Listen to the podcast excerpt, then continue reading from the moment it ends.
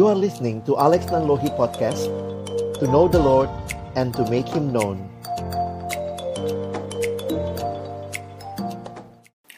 Mari teman-teman, sebelum kita membaca merenungkan firman Tuhan, kita berdoa. Bapa di dalam surga, kami bersyukur. Di dalam hidup kami, kami boleh mengenal Engkau, satu-satunya Tuhan dan Juru Selamat, yang adalah pemilik kehidupan kami. Hari ini kami bersyukur kesempatan beribadah Tuhan berikan bersama-sama. Kami akan membuka firman-Mu. Kami mohon ya Tuhan, bukalah juga hati kami, jadikanlah hati kami seperti tanah yang baik supaya ketika benih firman Tuhan ditaburkan itu boleh sungguh-sungguh berakar, bertumbuh, dan juga berbuah nyata di dalam hidup kami. Berkati baik hambamu yang menyampaikan, setiap kami yang mendengar, dan juga respon kami di hadapan Tuhan terhadap firman-Mu. Biarlah Tuhan sendiri yang memberkati dari awal sampai pada akhirnya. Waktu ke depan kami persembahkan di dalam satu nama yang kudus, nama Tuhan kami Yesus Kristus, yang adalah Tuhan dan Juru Selamat kami yang hidup.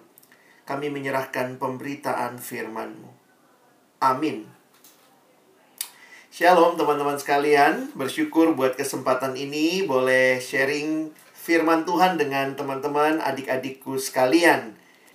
Kesempatan seperti ini Tuhan berikan untuk kita tetap bisa dengar firman Tuhan, teman-teman, bahkan di tengah-tengah situasi pandemi seperti ini, ya. Nah, Abang menyiapkan presentasi PowerPoint buat kita dan karena itu saya rindu kita semua boleh mengikuti pemberitaan firman pada hari ini. Nah, saya bersyukur juga Tuhan kasih kesempatan boleh kenal teman-teman semua secara khusus adik-adik angkatan baru, angkatan 2020. Yuk kita ambil waktu sharing bentar ya. Abang ingin juga tahu, kenal teman-teman tentu waktunya terbatas tapi kita coba share. Nah, Abang kasih kesempatan nih kita sharing. Nah, apa yang kita akan lakukan? Nah, ini coba kalian lihat di sebelah kanan itu ada 9 jenis emoticon. Nah, teman-teman, bagaimana kamu menggambarkan perasaanmu nih di awal perkuliahan kali ini? Satu orang maksimal dua pilihan ya. Oke, okay, thank you. Silakan. Boleh pilih nomornya saja. Kamu pilih nomor berapa ya? Oke, jadi kita sharingnya begini ya, saling kenal. Paling tidak kita tahu, oh dia lagi ngalamin itu. Ini kita jujur aja ya, nggak tidak ada benar salah. Tapi apa sih yang sedang teman-teman rasakan? Ada yang senang, ada yang mungkin juga lagi ngalamin pergumulan ya. Ada yang nomor 2 dan 6, 1 dan 6, ada yang nomor 8 ya. Uh, ada yang kebanyakan dek, dua aja ya. Oh, mungkin kalian berdua di situ ya ada Cynthia sama Nike eh, Nikeria ya. Oke. Okay. 1 dan 6, 8, 2 dan 9, 1 dan 6. Boleh dong abang denger dari satu teman kita. Abang minta kesediaan uh, Elsa ya. Ini ada Elsa Meta. Elsa Meta bisa buka mic-nya, Dek. Boleh sharing uh, kamu pilih nomor berapa dan boleh cerita sedikit kenapa kamu pilih itu. Silakan, Dek. Elsa bisa buka mic-nya? Iya, Pak. Iya. Perkenalkan nama saya Elsa Mekaluman Gaul dari angkatan 2020. Mm -hmm. uh, saya uh, perasaan saya waktu saat kuliah yaitu nomor satu dan nomor enam yaitu awalnya saya sangat uh, merasa sangat bahagia uh -uh. dan juga terkejut karena perkuliahan berbeda dengan waktu pelajaran SMA, Pak. Oh, begitu ya. Thank you Elsa. Makasih sharingnya ya. Oke, nah memang banyak yang terkejut juga ya. Belum apa-apa kok sudah begini gitu ya. Nah, mari kita dengar juga nih dari teman kita. Coba abang pilih lagi satu orang ya. Boleh tolong adik kita Johannes Togatorop? Dek, bisa buka mic-mu sebentar? Kau pilih nomor berapa dan kenapa pilih nomor itu? Kira-kira bagaimana perasaanmu? Silakan. Ya, perkenalkan nama saya Johannes Tuatorop, angkatan 2020. Mm -hmm. Saya milih nomor 8 karena pada saat pertama kuliah, saya sangat senang. Saya pikir kuliah itu hanya diterangkan saja gitu nggak Ah. ada tugas tapi ternyata banyak tugas buka HP ada tugas Banyak kali tugasnya dek ya. Oke, baik terima kasih sharingnya Yohanes. Ya teman-teman yang dikasihi Tuhan, eh, ya abang kalau kita mau sharing mungkin semua bisa ceritain perasaannya begitu ya. Nah tapi satu hal yang kita syukuri di tengah-tengah apa pun perasaan adik-adikku saat ini, kita punya kesempatan dengar firman, kita bisa beribadah. Saya pikir ini kesempatan indah ya. Mari kita boleh maksimalkan kehadiran kita sama-sama siang hari ini untuk boleh belajar firman Tuhan.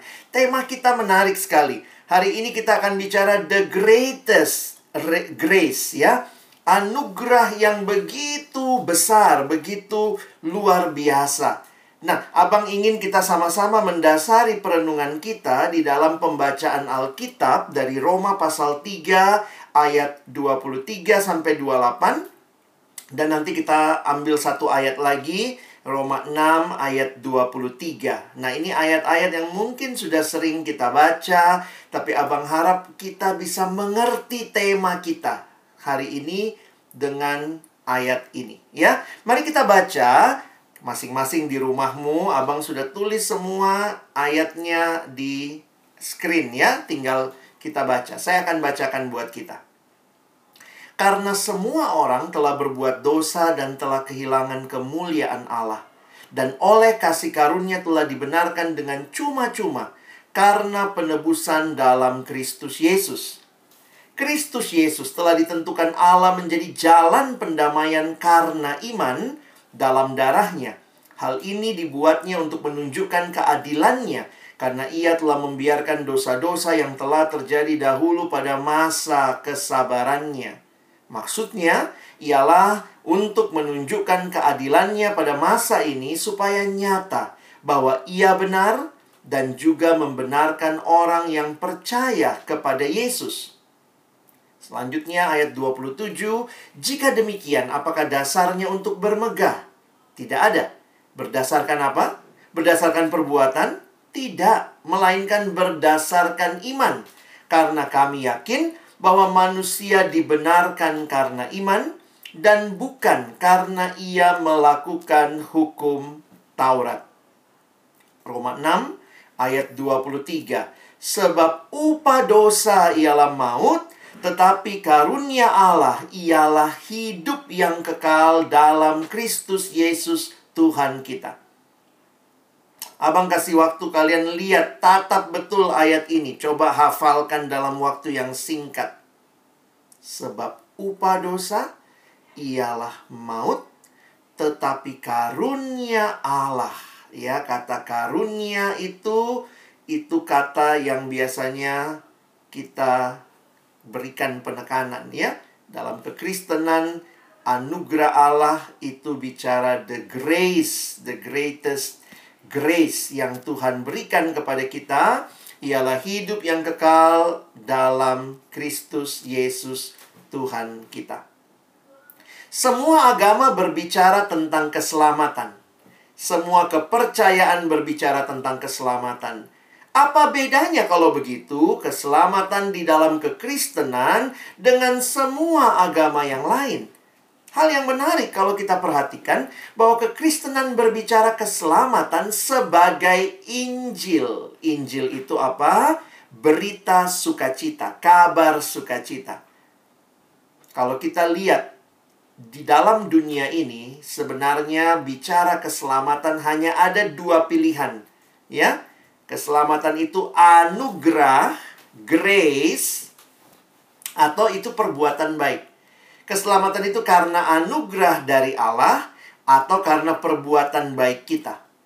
Nah, kekristenan berbeda sekali dengan semua agama yang berkata keselamatan adalah apa yang saya usahakan, apa yang saya perbuat. Sementara kekristenan berkata keselamatan adalah anugerah. Teman-teman, kalau kalian mengerti anugerah, kita diselamatkan oleh anugerah bukan karena perbuatan baik kita. Perhatikan, sebenarnya itulah inti dari kata yang kita pelajari di dalam atau yang sudah kita baca di ayat tadi.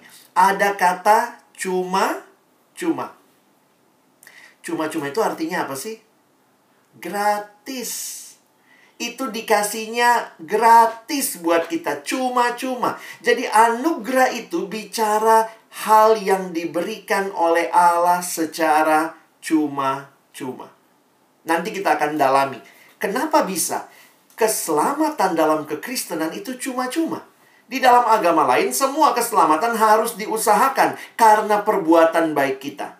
Nah, mari kita lihat sama-sama. Abang mau fokus ke Roma 6 ayat 23 ya. Saya akan berangkat dari ayat ini untuk menolong kita mengerti seluruh kebenaran ini. Kenapa saya pilih ayat yang singkat ini? Kadang-kadang kita cuma hafal Roma 6 ayat 23a.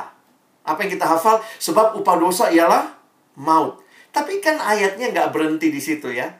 Makanya tadi abang bilang kita harus belajar lihat keseluruhan ayat ini dan keindahannya.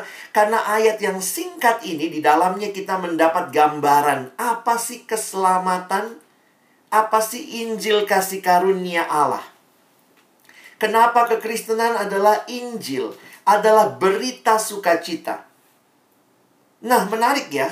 Kita coba sama-sama pikir begini.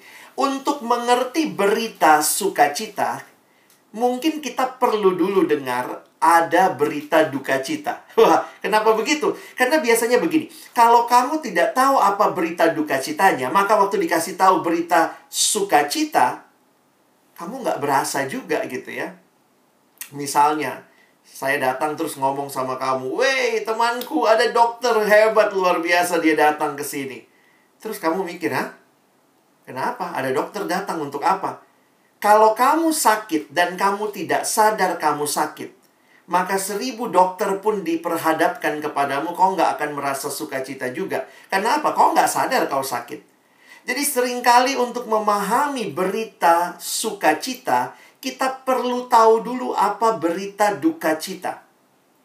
Nah, menariknya karena Injil adalah berita kesukaan, berita sukacita terbesar untuk seluruh manusia, maka pertanyaannya begini. Apa sih berita duka cita terbesar di bawah kolong langit ini? Nah, ini yang pertama kita akan lihat. Bahwa ada berita duka cita terbesar sebelum kita tiba kepada berita Injilnya, berita sukacitanya. Tadi kita sudah baca dalam Roma 3, perhatikan kalimatnya. Karena siapa? karena orang tua telah berbuat dosa, atau karena anak-anak telah berbuat dosa, atau karena orang miskin berbuat dosa, orang kaya berbuat dosa, oh laki-laki yang berbuat dosa, oh perempuan yang berbuat dosa. Alkitab jelas memberikan berita duka cita terbesar. Karena Alkitab memberikan kita kacamata memandang dunia. Semua orang telah berbuat dosa. Berarti termasuk termasuk siapa? saya dan kamu semua. Kita semua telah berbuat dosa dan telah kehilangan kemuliaan Allah. Ini Roma 3 ayat 23 dan ayat yang kita pilih tadi Roma 6 ayat 23 perhatikan semua yang berbuat dosa itu lihat upah dosa ialah maut. Maut itu bicara kematian kekal. Teman-teman, ini berita duka cita. Kalau kita tidak pernah sadar akan hal ini, mungkin kita pun akan merasa, I'm fine, saya baik-baik saja. Tetapi Alkitab memberikan ujung daripada kehidupan yang menikmati dosa. Ujungnya adalah binasa, maut, kekal. Di dalam Alkitab, istilah dosa dipakai berbagai istilah. Salah satunya adalah kata hamartia. Kata hamartia ini dari bahasa Yunani, teman-teman. Hamartia berarti seperti orang lagi memanah. Hamartia itu artinya meleset dari sasaran. Jadi contohnya begini ya, kalau kita memanah anak panah dilepaskan maka maunya kan kena bidang panah. Paling bagus lagi kena paling tengahnya. Nah, ketika meleset dari bidang panah, bahkan boro-boro tidak kena bidang panahnya, bahkan meleset dari situ, itulah gambaran dosa. Hamartia artinya tidak mencapai sasaran, tidak mencapai yang dikehendaki. Teman-teman, mari kita kembali melihat ketika Allah ciptakan manusia. Tuhan mau apa sih dengan manusia? Saya pikir Tuhan punya rencana yang indah bagi setiap kita. Dan Tuhan mengatakan bahwa aku menciptakan engkau sebagai gambarku, rupaku. Kita adalah manusia yang harusnya mencerminkan Allah. Kita gambar Allah. Tapi apa yang terjadi? Manusia yang harusnya hidup bergantung kepada Allah. Manusia yang harusnya hidupnya berserah kepada Allah menjadi manusia yang berontak kepada Allah. Tidak mencapai sasaran. Inilah yang namanya dosa. Harusnya Allah lah segala-galanya. Di dalam dosa manusia berkata, No, I am everything. Akulah segala-galanya. Dalam bahasa Inggris, how do you spell sin? S I-N. Apa itu dosa? Dalam satu tulisan digambarkan menarik ya, ada permainan kata dalam bahasa Inggris. Sin is the I in the center. Ada aku yang paling utama. Bayangkan, manusia yang diciptakan sasarannya harusnya menjadikan Tuhan yang paling utama. Sekarang akulah yang paling utama. Harusnya sesama dikasihi. Tapi apa yang terjadi? Kalau kalian ingat ya, ketika ada dalam dosa yang terjadi manusia menyalahkan satu sama lain. Bukan lagi mengasihi sesama. Adam menyalahkan Hawa. Bahkan kejadian pasal 4 mencatat seorang abang tega bunuh adiknya sendiri. Akulah segala-galanya. Karena itu kalau kalian perhatikan di dalam dosa yang terjadi apa? Ini Gambaran-gambaran manusia yang menikmati kesenangan, kepuasan, menjadikan dirinya lah segala-galanya bodoh amat dengan Tuhan, bodoh amat dengan sesama. Yang penting saya nyaman, saya nikmat. Apakah itu hidup yang Tuhan rindukan? No, bukan demikian. Dan betapa mengerikannya. Dosa itu pelan-pelan masuk dalam kehidupan. Teman-teman, dosa itu kemudian ketika kita buka sedikit celah, hati-hati dosa mengambil keseluruhan hidup kita. Saya ingat sebuah ilustrasi yang diberikan oleh pendeta John Stott. Dalam satu tulisannya dia mengatakan dosa itu seperti gambaran begini. Kalau kalian tahu gambaran padang pasir, padang pasir itu unik ya teman-teman ya.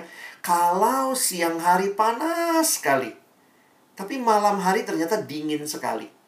Nah, jadi biasanya uh, anggaplah kalau ada orang yang sedang berjalan di padang pasir, biasanya siangnya jalan ya, kalau malam dia berhenti sekalian tidur dan itu biasanya mereka buat tenda ya. Nah, di dalam tenda itu lebih hangat.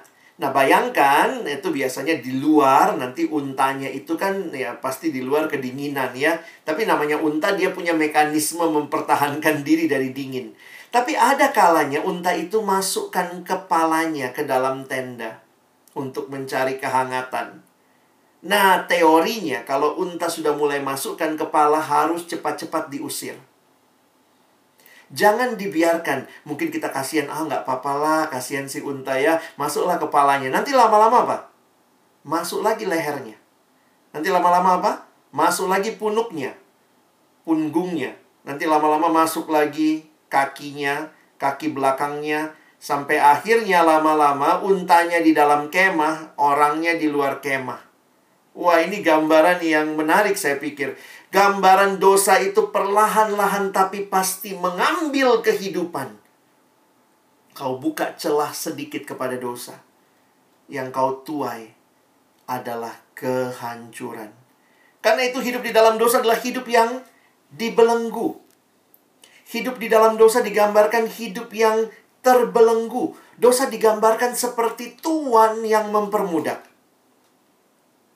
Dosa memperbudak manusia. Ada orang-orang yang dibelenggu dengan minuman keras, dengan judi, dengan narkoba, dengan rokok. Begitu gampangnya terbelenggu di dalamnya. Beberapa orang waktu dibilang terbelenggu nggak mau tahu. Enggak lah, aku nggak kayak gitu bang. Saya bilang, iya kalau gitu berhenti rokok sekarang. Susah bang, itu namanya terbelenggu. Kita merasakan begitu, kita mau hidup buat Tuhan. Tapi realitanya kita dibelenggu oleh dosa. Atau mungkin kau bilang, bang, saya mah nggak kayak beginilah. Masa kayak gini hancur kali hidup. Oh, saya nggak kayak gitu, bang. Tapi jangan-jangan kita dibelenggu oleh hal-hal yang nampaknya baik. Dan memang baik. Tapi ketika kita tidak menggunakannya dengan benar, maka itu membelenggu kita. Adakah orang yang dibelenggu oleh HP-nya sendiri? Ada juga. Apa yang terjadi? Harusnya kan kita itu menikmati menikmati HP itu untuk bertukar pesan. Tapi banyak juga orang yang menggunakan HP-nya yang baik itu untuk mengakses hal-hal yang tidak benar dan justru jatuh dalam dosa dengan handphonenya. Jadi banyak orang yang bisa jadi menggunakan handphone yang katanya smartphone. Tapi nggak smart. Kita begitu gampang dibelenggu dan hati-hati teman-teman. Ini gambaran yang saya pikir begini ya. Mungkin yang membelenggu kita sekarang bukan dosa seperti yang gambaran tadi ya. Hal-hal yang mengerikan. yang Tapi ada hal-hal yang mungkin awalnya menyenangkan. Tetapi kita harus tahu batasnya. Contohnya kayak gini ya. Ya tentu belanja baik ya. Kita juga butuh belanja kan. Tapi ketika belanja sudah menjadi sesuatu yang mengikat kita, kita mau tidak mau belanja, susah sekali membedakan apakah ini keinginan atau kebutuhan. Ini gambaran-gambaran di mana kita melihat belanja bisa jadi sudah memperbudak kita. Ada banyak hal baik yang harusnya kita bisa pakai dengan baik dan jangan biarkan itu membelenggu kita. Ada yang dibelenggu sama, nah ini drama Korea.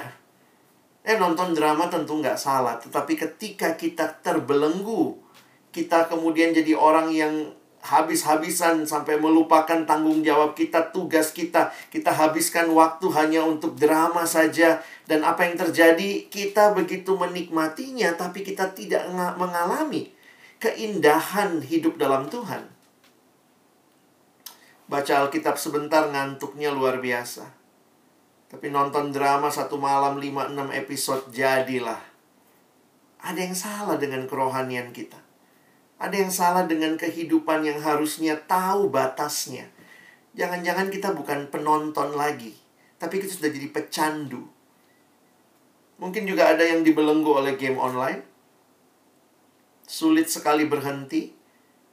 Tentu main game, sekali lagi main game nggak salah. Belanja tadi nggak salah ya. Nonton nggak salah. Tapi kalau ini membelenggu kita dengan game-game yang terus dibuat ya. Dan saya pikir memang ya itulah keunikannya ya. Game itu membuat kita makin lama makin terlibat. Dan waktu terlibat makin sulit keluar.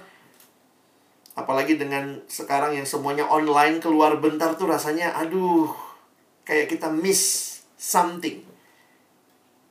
Ada hal-hal baik seperti ini yang kalau tidak punya batasnya, malah jadi menghancurkan kita. Nah, selain itu juga ada hal-hal seperti pornografi yang kita tahu tadi saya bilang dengan HP-nya, HP-mu kau bisa memakainya untuk jatuh dalam dosa.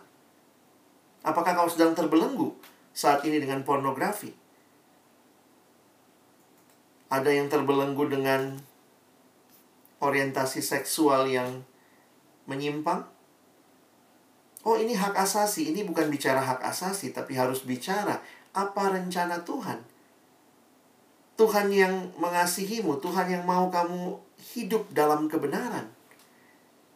Atau mungkin juga ada yang terbelenggu dengan seks bebas, free sex, sex before marriage. Abang cuma ingin tunjukkan kepada kita bahwa dosa itu ada di sekitar kita dan menyusup begitu pelan.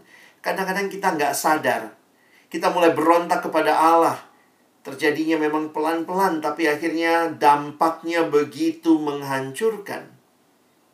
Orang yang menikmati dosa, hidup di dalam dosa, mengalami kehilangan rasa hormat terhadap dirinya sendiri.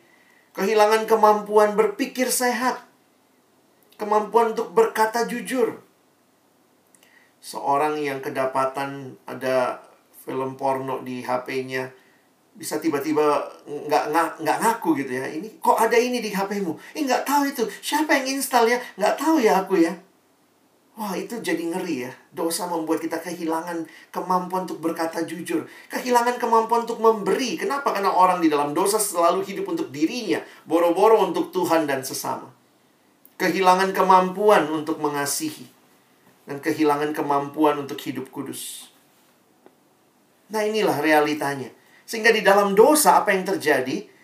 Kita hidup di dalam ketidakpastian. Kita hidup di dalam kegalauan kita hidup dalam kekosongan, frustasi, keterikatan. Tidak heran Alkitab dengan jelas mengatakan berita duka cita terbesar di bawah kolong langit ini. Bahwa semua manusia yang berdosa, ujungnya adalah maut. Tanpa kecuali. Tua, muda, miskin, kaya, laki-laki, perempuan, pintar maupun kurang pintar semua manusia berdosa. Ganti itu dengan namamu.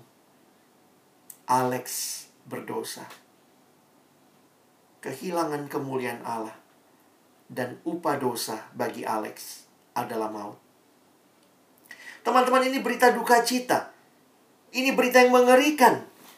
Tetapi kemudian di sinilah kita melihat dengan jelas betapa mengerikannya dosa tapi ada berita sukacita, teman-teman. Ada Injil. Inilah berita sukacita terbesar. Di mana itu? Kadang-kadang kita kalau baca ayatnya kita harus baca seimbang ya. Kadang-kadang kita senangnya Roma 3 ayat 23. Karena semua orang telah berbuat dosa dan telah kehilangan kemuliaan Allah. Itu berita buruknya, teman-teman. Berita baiknya ada di ayat 24 dan oleh kasih karunia Allah telah dibenarkan dengan cuma-cuma oleh penebusan dalam Kristus Yesus. Perhatikan, abang fokuskan kepada kata cuma-cuma di situ. Kasih karunia itulah grace. Grace itu sesuatu yang diberikan oleh Allah dengan cuma-cuma, gratis. Bahasa Inggris menggunakan istilah freely. We and all are justified freely. Ya, perhatikan kata freely. Kata dengan cuma-cuma.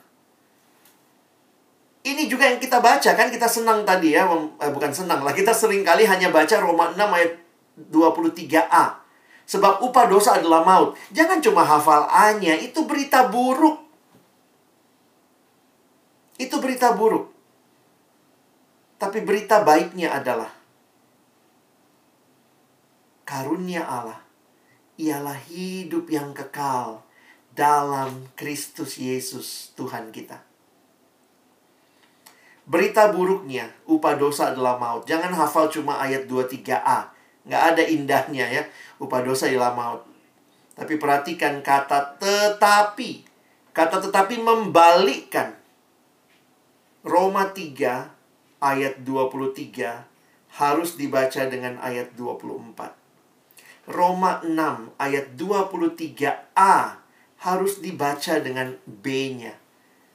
Karunia Allah ialah hidup yang kekal dalam Kristus Yesus Tuhan kita. Teman-teman, apa yang menarik untuk kita perhatikan? Bahwa ternyata dosa akhirnya itu adalah maut.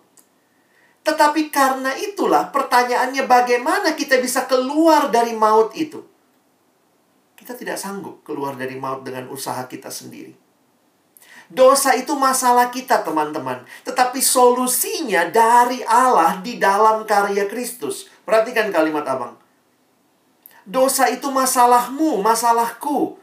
Tapi solusinya bukan dari kamu, bukan dari saya. Tidak ada satupun dari kita yang bisa menyelesaikan pergumulan dosa kita. Karena dosa akhirnya maut. Nggak ada yang bisa bayar. Bahkan dengan perbuatan baik. Karena itu saya pikir kekristenan menyatakan Injil yang tidak dimiliki oleh semua kepercayaan lain yang sedang berusaha untuk menyelesaikan dosa. Ada yang dikatakan ikuti agama ini kamu akan menyelesaikan dosa, lakukan ini nanti ditimbang-timbang nanti lebih banyak. Tidak mungkin. Kita mau tahu kehidupan. Kita mau tahu keselamatan. Itu adalah pemberian Tuhan dan diberikan dengan cuma-cuma. Teman-teman, abang ingin kita membayangkan begini. Cuma-cuma tuh kayak apa sih? The greatest grace itu kayak apa? Contohnya begini, kalau kita dapat hadiah. Saya kasih kamu hadiah misalnya ya. Saya kasih kamu misalnya laptop baru. Saya kasih sama kamu ini laptop baru sekian juta. Merek terbaru yang paling bagus gitu ya. Nah, coba, coba abang tanya. Kalau saya kasih kamu sebagai hadiah, kamu mesti bayar nggak? Enggak dong ya. Kalau kamu bayar, misalnya kamu bilang Bang Alex, uh, nggak mau aku cuma terima dari abang, aku pengen bayar lah. Aku bayar 500 rupiah ya bang, kayak uang koin tadi yang warna kuning ya. Kalau kamu bayar sama saya 500 rupiah, masih bisa dibilang hadiah nggak? Begitu kau bayar, begitu kau bayar 500 rupiah, itu sebenarnya bukan lagi bisa dibilang hadiah. Itu sudah jadi beli barang murah banget. Cuma-cuma itu apa? Cuma-cuma berarti tidak ada satu bagian pun yang perlu saya bayar. Teman-teman, Allah menyatakan keselamatan anugerah itu cuma-cuma. Dia kasih sama kita. Gratis. Tapi ingat, keselamatan itu gratis, tapi bukan gratisan. Contoh lagi tadi ya, abang belikan kamu laptop. Anggaplah laptop terbaru, termahal ya, anggaplah apa, harga 20 juta. Saya kasihnya gratis sama kamu. Tapi gratisan nggak? Siapa yang bayar 20 jutanya? Saya. Tuhan kasih kita keselamatan cuma-cuma. Tapi siapa yang bayar anugerah yang besar itu? Yesus dia bayar dengan kematiannya di kayu salib. Kita menerimanya cuma-cuma. Tapi itu dia bayar dengan karya terbesar dalam hidup kita. Pengorbanannya di kayu salib. Teman-teman ingat baik-baik. Ini gambaran yang diberikan. Menarik sekali ayat-ayat selanjutnya. Coba lihat ya, ini Roma 6 ayat 23 ya. Mulai ayat 24, 25, ke bawahnya sampai ayat 26 itu menjelaskan bagaimana itu cuma-cuma. Kenapa itu bisa dibilang cuma-cuma? Kenapa keselamatan dalam kekristenan dikatakan pemberian Allah yang diberikan dengan cuma-cuma? Perhatikan.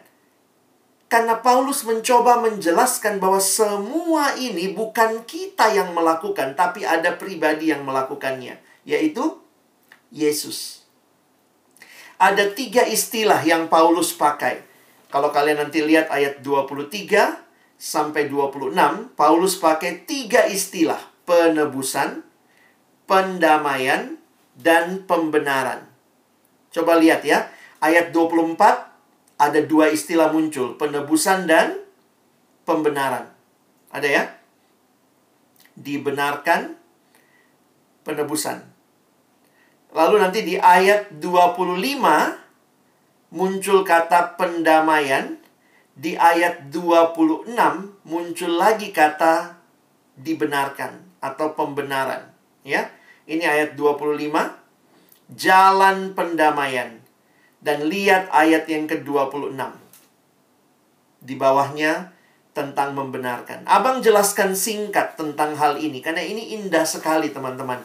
Perhatikan, tiga-tiganya ini siapa yang melakukan? Perhatikan. Pertama, istilah penebusan itu sebenarnya istilah perdagangan. Jadi kalau ada benda terjual atau tergadai, apa artinya menebus? Kalau saya harus bayarkan sejumlah uang atau saya tukar barang, saya tebus supaya itu jadi kembali milik saya. Perhatikan cara Paulus menjelaskan kita itu ditebus oleh Kristus. Jadi siapa yang menebus kita? Bukan diri kita. Tapi Kristus yang menebus kita seperti dia membeli kita. Dia menebus kita. Istilah kedua, istilah jalan pendamaian. Ini gambaran yang menarik di tengah-tengah umat Allah berdosa kepada Allah, maka Allah yang kudus tidak mungkin berelasi dengan manusia berdosa. Nah, di dalam perjanjian lama ada istilah jalan pendamaian. Sebenarnya secara literal ini menggambarkan, nah teman-teman sedikit konteks perjanjian lama ya. Dari mana istilah jalan pendamaian ini? Di dalam hukum Taurat, di ketika Tuhan menyuruh membuat tabut, tabut Allah itu kudus sekali. Dan karena tabut itu kudus, tidak boleh langsung dilihat atau disentuh bagian dalam tabut itu. Sehingga Tuhan suruh kepada Musa di kitab keluaran, buatlah tutupnya tabut itu. Tutupnya tabut itu. Nah, tutup tabut itu, itu menolong supaya kita nggak mati kalau lihat tabut itu. Kira-kira begitu ya. Karena kalau langsung lihat dalamnya bisa mati maka ada tutupnya. Nah, tutupnya itu yang kemudian kalau ada persembahan darah kurban itu dipercikan ke tutup itu. Nah, itu dipakai istilah tutup pendamaian atau Paulus menggunakan istilah jalan pendamaian. Makanya ini istilah agama. Nah, teman-teman perhatikan. Tutup pendamaian itu itulah yang digambarkan dengan Yesus yang menjadi tutup pendamaian kita. Bayangkan, kalau Allah yang kudus lihat manusia yang berdosa, begitu Allah lihat manusia berdosa, mati kita. Tapi kenapa kita tidak mati? Karena dikatakan Yesus itu jadi tutup pendamaian kita. Dialah jalan pendamaian kita sehingga kita bisa datang kepada Allah. Jadi itu karyanya siapa? Bukan karyamu, karyamu dan karyaku dosa. Harusnya mengalami maut. Tapi Yesus menjadi tutup pendamaian kita, kata Paulus. Dialah jalan pendamaian. Sehingga dia membawa kita yang berdosa kepada Allah yang kudus. Dan istilah ketiga, dipakai istilah pembenaran. Ini istilah hukum pengadilan. Begitu hakim sudah ketuk palu benar, ya udah orang itu dibenarkan. Nah, ini gambaran yang Paulus pakai bahwa di dalam Kristus, lihat kalimatnya ya. Supaya nyata bahwa Yesus benar, dan juga membenarkan. Jadi membenarkan ini karyanya siapa? Ya karyanya hakimnya yang membenarkan. Jadi bukan orang yang berdosanya yang benar, tapi hakimnya yang menyatakan dia benar. Teman-teman kalau kalian hayati tiga istilah ini, ingat abang bilang ini tiga istilah ini menjelaskan apa? Cuma-cuma. Kenapa keselamatan itu cuma-cuma? Kenapa anugerah yang besar itu kita terima dengan cuma-cuma? Karena ada yang menggantikan kita, membayarkannya buat kita, yaitu Yesus. Dia menebus kita, dia mendamaikan kita dengan Allah, dia membenarkan kita. Karena itu, seorang bernama Dr. Mark James Boyce, dia mencoba menggambarkan tiga hal ini pendamaian, pembenaran dan penebusan. Lihat aja gambarnya ya biar gampang teman-teman mengerti. Lihat yang pertama dulu. Yesus ke kita apa yang dia lakukan? Penebusan. Yesus menebus kita. Yesus ke Bapa, ke Allah Bapa terjadi pendamaian. Dan karena kita sudah didamaikan dengan Bapa, kita sudah ditebus dalam Yesus waktu Allah melihat kita, kita dibenarkan. Bisa paham ini? Lihat segitiganya ya. Yesus kepada kita, dia tebus kita. Yesus kepada Allah Bapa mendamaikan kita. Allah melihat kita benar. Jadi sebenarnya lihat, ada nggak usaha kita? Nggak ada. Semuanya the greatest grace. Anugerah Allah yang luar biasa. Tidak ada satupun bagian kita. Ini karya Yesus, karya Bapa yang membenarkan kita, menebus kita, dan mendamaikan kita. Karena itu perhatikan ayat 27 dan 28. Kita selesaikan pembahasannya. Makanya Paulus ngomong begini. Jika demikian, apakah dasarnya untuk bermegah? Tidak ada. Jadi kalau kalian lihat lanjutannya kayak Paulus lagi ngomong begini. Kalau keselamatan itu gara-gara usahamu, ada dong alasanmu bermegah. Wih, aku selamat karena aku hebat, aku luar biasa. Tapi karena tidak ada satupun usaha kita di situ, tetapi adalah anugerah Allah cuma-cuma diberikan di dalam Kristus, maka dasarnya untuk bermegah apa? Tidak ada. Berdasarkan perbuatan, kata Paulus, dia jawab tidak, melainkan berdasarkan iman. Karena kami yakin bahwa manusia dibenarkan karena iman dan bukan karena ia melakukan hukum Taurat. Iman artinya apa? Iman artinya percaya. Makanya orang Kristen kita disebut orang percaya. Bagaimana engkau selamat? Bukan apa yang kau lakukan yang menyelamatkanmu. Bukan perbuatan baikmu yang menyelamatkanmu. Yang menyelamatkan engkau dan saya adalah percayamu kepada Yesus yang sanggup membayar dosa-dosamu. Kamu beriman pada Kristus? Kamu percaya pada Yesus? Jangan percaya diri. Oh, saya bisa selamat dengan usaha saya. Tidak mungkin. Alkitab menjelaskan, Paulus menjelaskan, kita selamat karena kita percaya pada Kristus yang dapat menyelamatkan kita. Kita tidak bisa datang ke surga dengan perbuatan baik kita, hanya karena anugerah. Paulus menjelaskan itu lebih jauh di Efesus 2, 8, dan 9. Lihat kalimatnya ya. Apa yang dia katakan? Sebab karena kasih karunia kamu diselamatkan melalui atau oleh iman. Itu bukan hasil usahamu. Jangan sombong, kamu cuma percaya, kamu nggak melakukan apa-apa. Jadi Paulus merasa nggak cukup ya. Itu bukan hasil usahamu, dia tambahin lagi. Tetapi pemberian Allah. Terus dia tegaskan lagi ayat 9, itu bukan hasil pekerjaanmu. Kayak nggak cukup dia kasih penjelasan di atasnya, dia tambahin lagi, itu bukan hasil pekerjaanmu. Dan dia tegaskan lagi, jangan ada orang yang memegahkan diri. Kalau kita selamat itu karena the greatest grace Bukan kita, tapi ini anugerah Allah. Ini karya Yesus.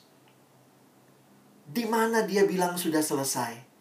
Waktu saya lihat siluet ini pertama kali, ini siluet hidup Yesus dari lahir sampai dia bangkit. Tapi di mana dia katakan sudah selesai? Di kayu salib. Karena di situlah terjadi penebusan, di situlah terjadi pendamaian, di situlah terjadi pembenaran yang dia lakukan bagi kita. Karena itu kalau semua agama bicara keselamatan itu usaha manusia, Kristen tidak begitu. Ada kutipan dari Timothy Keller, kalimatnya menarik.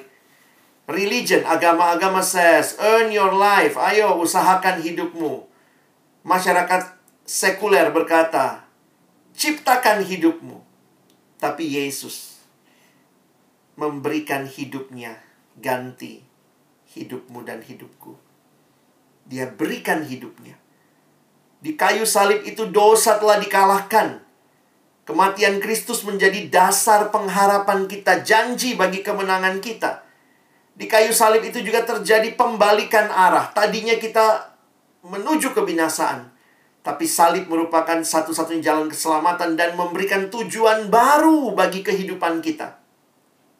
Paulus menyatakan 2 Korintus 5:17, siapa yang ada di dalam Kristus?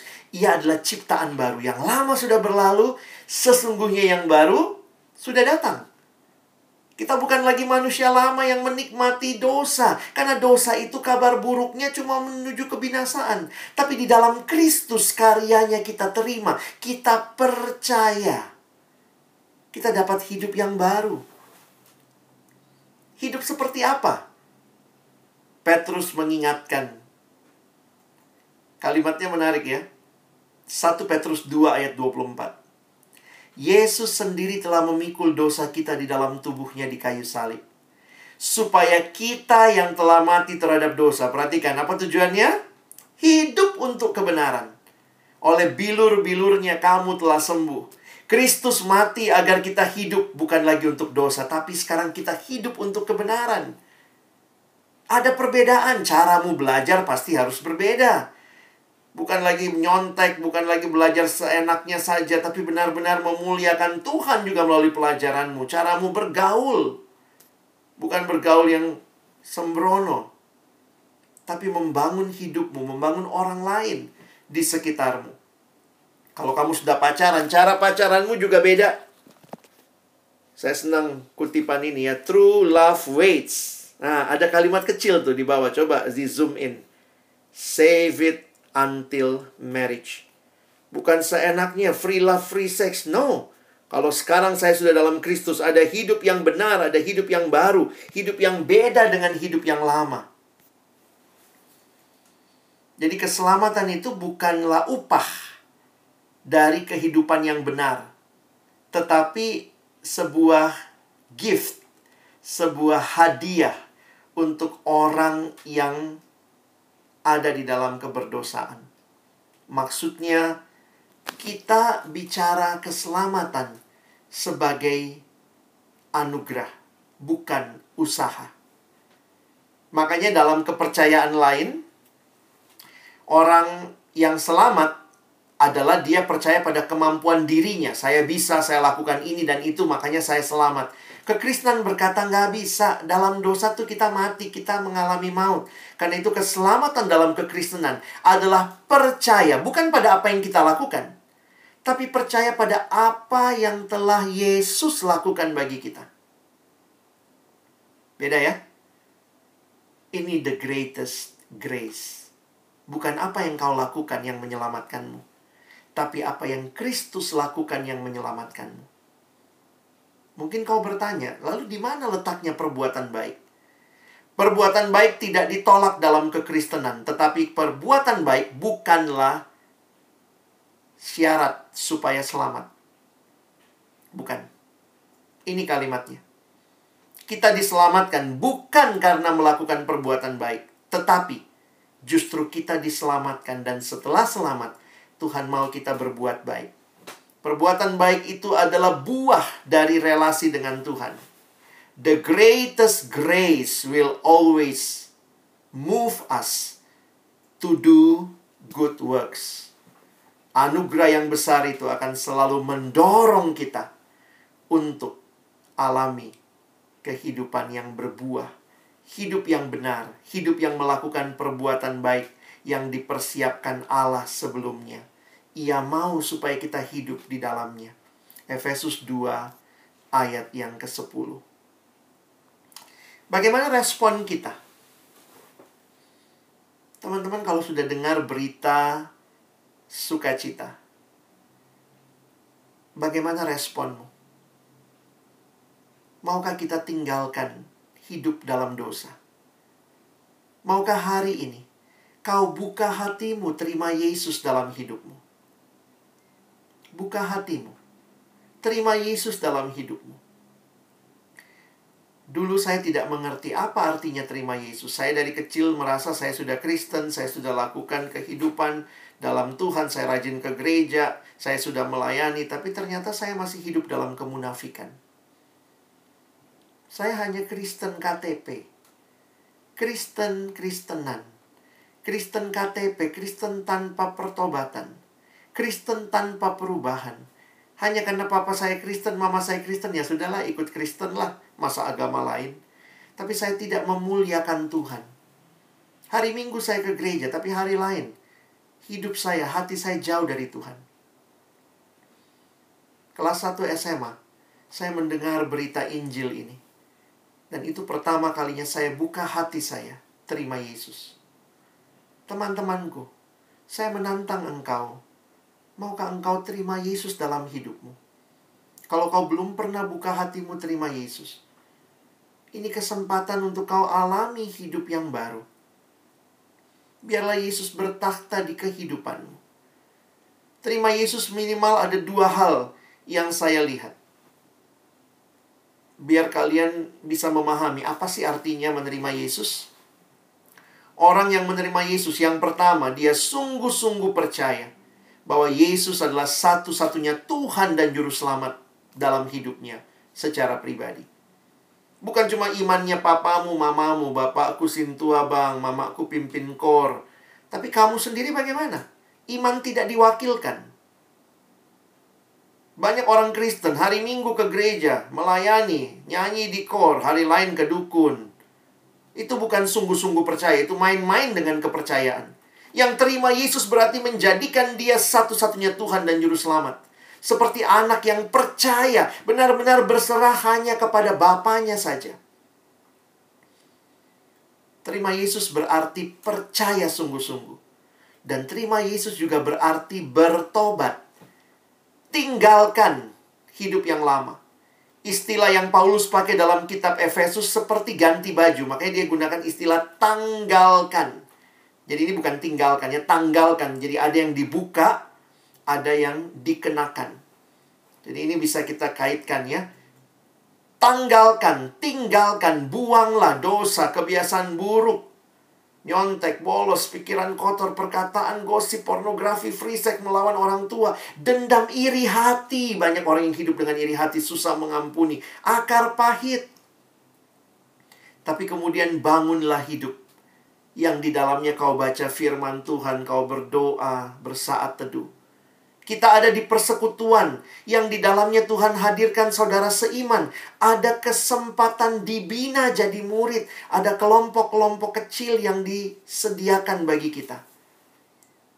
Kelompok kecil adalah kesempatan kita alami pertumbuhan rohani. Ada abang dan kakak yang rindu membangun hidup kita jadi murid yang sejati. Mari pakai kesempatan ini. Ibadah demi ibadah biarlah jadi kesempatan kita juga makin kenal Tuhan. Maukah kita punya komitmen untuk berubah? Maukah kita sungguh-sungguh hidup berbeda dengan dunia? Sehingga akhirnya hidupmu dan hidupku bukan lagi hidup yang mempermalukan Tuhan, tapi sungguh-sungguh mempermuliakan Tuhan. Adik-adikku yang dikasihi Tuhan, maukah engkau alami the greatest grace ini? Buka hatimu terima Yesus. Percaya. Hanya dialah satu-satunya Tuhan dan Juru Selamat. Bertobat. Tinggalkan dosa. Hidup dalam kebenaran. Beri dirimu dibangun, dibina, bertumbuh. Ada wadah yang Tuhan sediakan, ada ibadah, ada persekutuan mahasiswa Kristen di kotamu, ada kelompok-kelompok pemuridan, kelompok kecil yang merindukan engkau bertumbuh di dalam Tuhan. Maukah kita meresponi anugerah Allah ini? Saat ini, saya mengajak kita ambil waktu untuk meresponi firman. Kalau kamu sudah dengar firman saat ini, sebagai hamba Tuhan, izinkan saya memberikan beberapa pertanyaan untuk teman-temanku jawab. Bukan jawab kepada saya, abang terbatas lihat kalian. Tapi jawablah Tuhan yang kenal hatimu. Tuhan yang tahu hatimu yang terdalam. Siapa yang hari ini berkata, Tuhan di sini saya.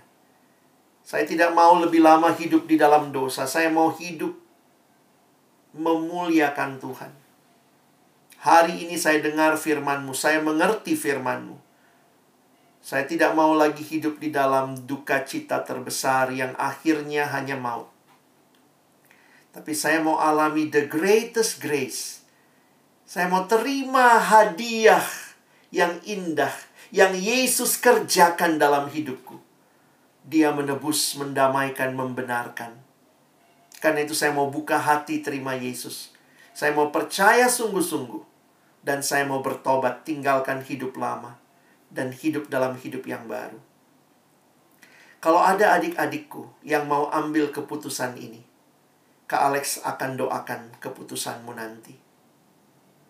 Katakan kepada Tuhan di hatimu, Tuhan saya mau buka hatiku terima engkau. Pertanyaan yang kedua, mungkin bagi adik-adikku yang sudah pernah terima Yesus dalam hidupmu. Kalau hari ini Tuhan perdengarkan berita Injil sekali lagi, dan kau sadar Tuhan selama ini saya sudah jauh dari Tuhan, saya kembali menikmati dosa-dosaku yang lama, dan kali ini Tuhan panggil engkau kembali, datang kepada Tuhan, dibaharui dalam hubunganmu dengan Tuhan. Adakah adik-adikku yang sudah pernah terima Yesus? Tapi hari ini waktu kau dengar firman, kau rindu Tuhan baharui aku sekali lagi. Abang juga rindu mendoakan keputusanmu. Mari datang kepada Tuhan. Jangan tinggal lebih lama dalam dosa. Kembalilah. Tuhan mengasihimu. Tuhan mau engkau dipulihkan. Mari teman-teman, untuk setiap kita yang ambil komitmen ini. Baik komitmen pertama maupun komitmen kedua. Komitmen pertama yang menerima Yesus sungguh-sungguh pertama kali. Komitmen kedua buat mereka yang sudah pernah terima Yesus. Yang mau dibaharui sekali lagi. Kiranya kesempatan ini kita boleh sama-sama diteguhkan. Abang akan memimpin di dalam doa kalau ada dari kalian yang tadi sudah ambil keputusan pertama untuk terima Yesus, Abang rindu kalian berdoa, ikuti kalimat dalam doa saya. Saya akan mengucapkan doa kalimat per kalimat, kiranya kalian boleh mengikuti. Jadikan ini sebagai doamu pribadi di hadapan Tuhan. Saya minta yang ambil keputusan pertama terima Yesus dalam hidupmu. Taruh tangan kananmu di dadamu. Dan sambil kita menyatakan, kiranya secara simbolis, kita menaruh tangan kanan kita di dada kita. Kita katakan, Tuhan, hari ini aku buka hatiku terima Engkau.